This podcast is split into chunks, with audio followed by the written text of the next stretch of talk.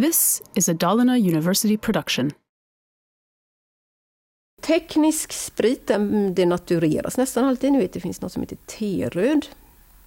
Och då tillsätter man ämnen som gör produkten odrickbar. Den får inte bli dödligt giftig. Det är tillåtet i vissa andra länder men inte i Sverige. Oftast är det andra alkoholer eller något, jag vet inte exakt vad det är för ämne, men det finns något bitrex eller vad det nu kan heta som eh, gör att eh, den här spriten smakar mycket illa. Etanol i sig är inte så giftig. Det beror på dos i och för sig. Men om man använder som lösningsmedel eller någon annan sån här teknisk tillämpad produkt och eh, släpper ut den i miljön så påverkar den inte speciellt mycket. Den är nedbrytbar. Och nedbrytningen, det beror på, alltså hur den går till, det beror på eh, i vilken i vilket sammanhang man har etanolen, eh, var i naturen, om vi ska hålla oss i naturen.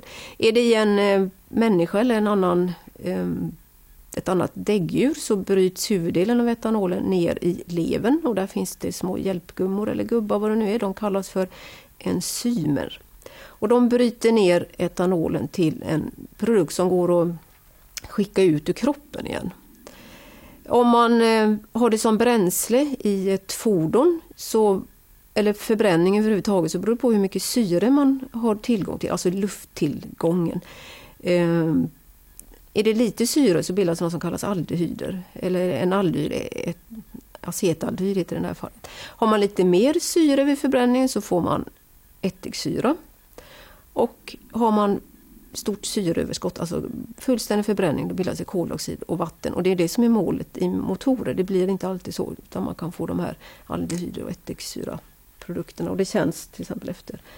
Man kan känna avgaser från eh, etanolbussar och liknande. Ja, nog med fakta. Nu ska vi gå in på myterna. Eh, här är en annan version av hunden. Det är en ishund.